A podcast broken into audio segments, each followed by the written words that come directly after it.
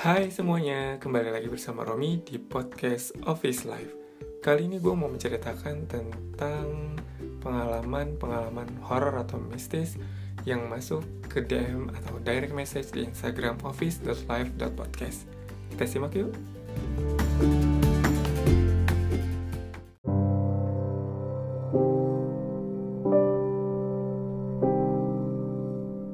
Namaku Dimas. Aku seorang karyawan swasta berkantor di kawasan Selipi. Kantor kami menyewa di suatu gedung milik grup kami.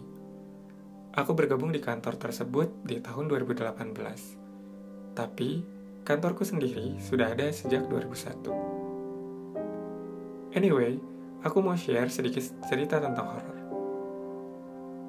Gedungnya bisa dibilang gedung yang bukan baru, tapi bisa dibilang juga sudah cukup lama Dilihat dari segi interior, lift, dan sebagainya. Aku sendiri alhamdulillah nggak pernah merasakan cerita horor, cuma bisa merasakan hal-hal mistis dan sempat dirasakan oleh beberapa teman. Luas kantorku nggak begitu besar, dan banyak sekat ruang yang dibuat membentuk banyak lorong sebagai pemisah antar ruangannya. Entah gimana ceritanya, tapi anehnya pemilihan hiasan gedung juga berkesan mistis. Ada beberapa lukisan bergambar kakek-kakek dengan mata besar tanpa ekspresi. Kemudian juga ada gambar rumah dengan background serba hitam. Gambar bayangan manusia, hingga karya seni abstrak dari bahan tembaga yang berbentuk manusia seperti sedang rukuk. Pencahayaan di lorongnya juga tidak terang, karena bukan lampu putih yang dipilih, tetapi lampu kuning. Di lorong itu ada dua lukisan bergambar bayangan manusia dan seni abstrak tembaga itu. Untuk orang yang punya kemampuan spesial, katanya sih di lukisan itu ada yang jaga. Kebetulan beberapa karyawan kami ada yang punya kelebihan tersebut. Tapi kalau aku sendiri sih, setiap lewat lorong itu memang hanya bisa merasakan perasaan yang kurang enak saja. Cuma sering aku abaikan begitu saja. Lukisan bergambar kakek itu dengan mata melotot dan tanpa ekspresi diletakkan di ruang interview kecil. Awal aku di interview di perusahaan ini juga dipakai di ruangan itu. Waktu aku disuruh menunggu usernya di ruangan itu, aku hanya berpikir, ini yang milih lukisan siapa sih? Aneh banget. Tapi kalau dilihat-lihat terus-menerus, memang seakan-akan ekspresinya berubah menjadi marah. Jadi aku selalu memalingkan muka aku setelah mendapat perasaan itu. Dan untungnya tidak ada kejadian aneh yang aku alami setelah itu. Proses interviewnya pun berjalan lancar, dan malah aku pun diterima di tempat itu. Beberapa bulan berlalu, ruangan kerjaku digabung dengan divisi lainnya. Totalnya ada tiga divisi dalam ruanganku, karena memang setiap divisi hanya ada sekitar 3 sampai dengan 5 orang.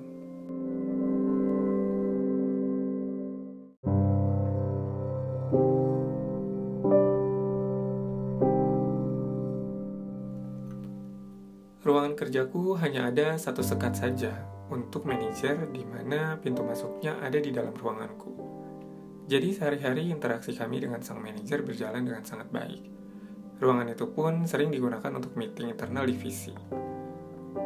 Oh ya, di dalam ruanganku di situlah diletakkan lukisan dengan gambar rumah dengan background serba hitam yang menurut temanku yang punya kemampuan, lukisan itu juga ada kekuatan magisnya di dalam. Lukisan itu semacam gerbang menuju dunia lain.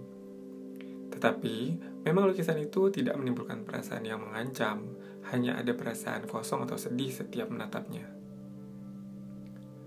Temanku pun bercerita, ternyata di ruangan manajerku itu ada sesosok wanita yang sering datang dan pergi.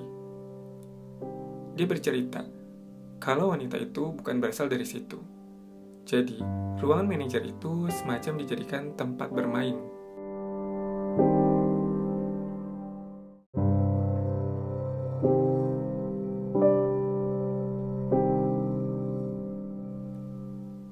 Kadang sosok wanita itu pun tak segan ikut meeting, hanya diam di pojokan lalu menghilang. Bahkan, ada rumor setiap orang yang bekerja di ruangan itu akan terkena bala bencana. Biasanya ditunjukkan dengan sering capek, sering sakit, karena semacam energinya diserap sama si sosok wanita itu. Sampai akhirnya manajerku pun meninggal karena terkena kanker. Tidak tahu apakah meninggalnya beliau itu ada hubungannya dengan mitos atau memang sudah takdir. Di ruanganku pun sering dibilang ruangan terkutuk, karena sudah ada tiga orang yang meninggal termasuk manajerku tadi. Namun, peristiwa meninggalnya dua karyawan sebelumnya jauh sebelum aku join di perusahaan itu. Jadi aku kurang tahu detail ceritanya seperti apa. Oh ya, Peristiwa aneh lainnya seputar ruanganku ada di tiga temanku. Pernah diganggu oleh makhluk di sana tadi. Temanku yang pertama sebut saja si A. Si A tempat tinggalnya cukup jauh dari kantor, sehingga sering sampai di kantor jam 6 pagi. Padahal jam kantor mulai pukul jam 8 pagi. Mungkin dia takut telat jika berangkat lebih siang, atau memang dia orangnya disiplin dan tidak suka terlambat. Dia sering mendapatkan award karyawan teladan karena absennya selalu menjadi yang pertama. Kebayangkan, dia selalu jadi orang pertama di kantor selain OB. Makanya, kadang-kadang suka dijahilin.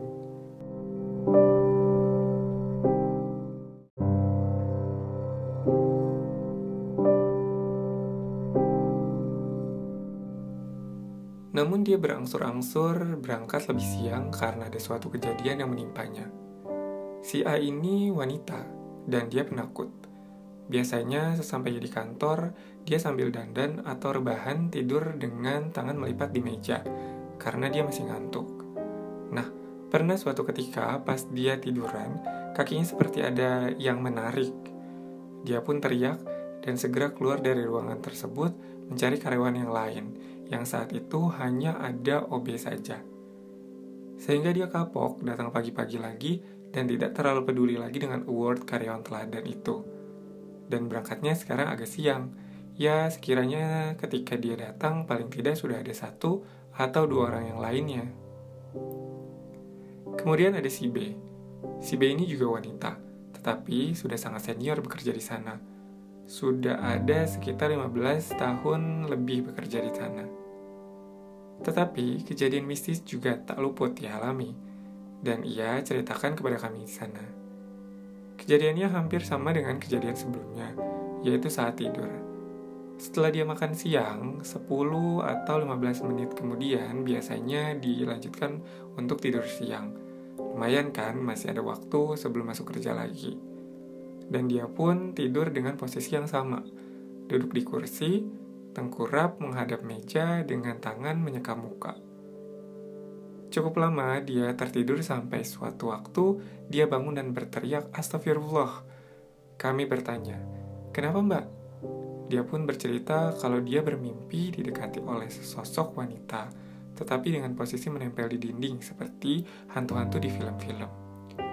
Yang tadinya dari arah luar gedung tiba-tiba berjalan menembus jendela kaca dan mendekati dia. Posisi meja kerjanya di sampingnya itu ada jendela kaca menghadap keluar.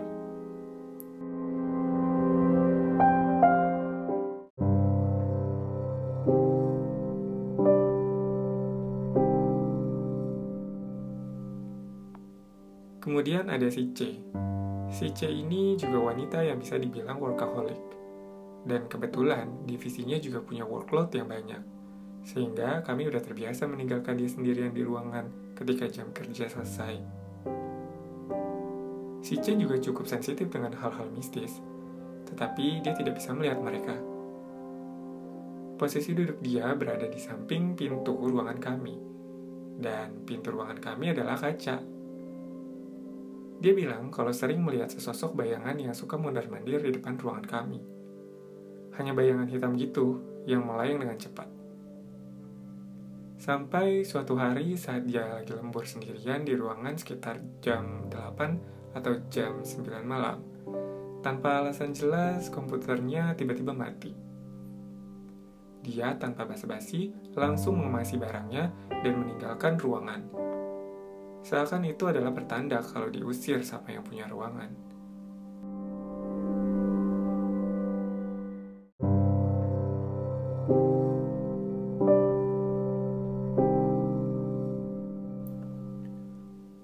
OB di tempatku bekerja juga punya cerita seputar diganggu oleh makhluk di sana. Ketika sedang bersih-bersih ruangan di reaktor kami, di sore hari menjelang maghrib. Tiba-tiba speaker di ruangan itu berbunyi sendiri dengan volume yang maksimal. Bayang dong betapa kagetnya dia sampai loncat dan kabur.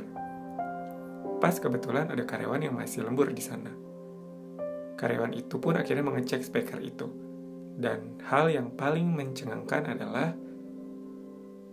speakernya nggak nyolok ke listrik. Satu lagi cerita yang dialami oleh karyawan di grup kami.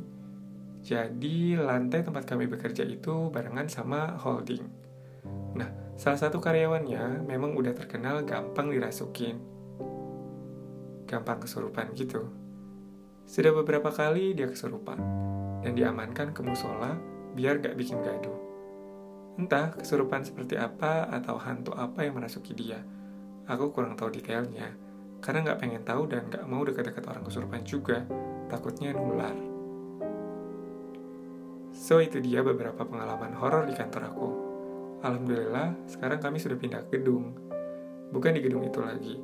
Dan kondisi gedung yang baru, yang sekarang ini jauh lebih friendly dengan desain yang minimalis dan modern.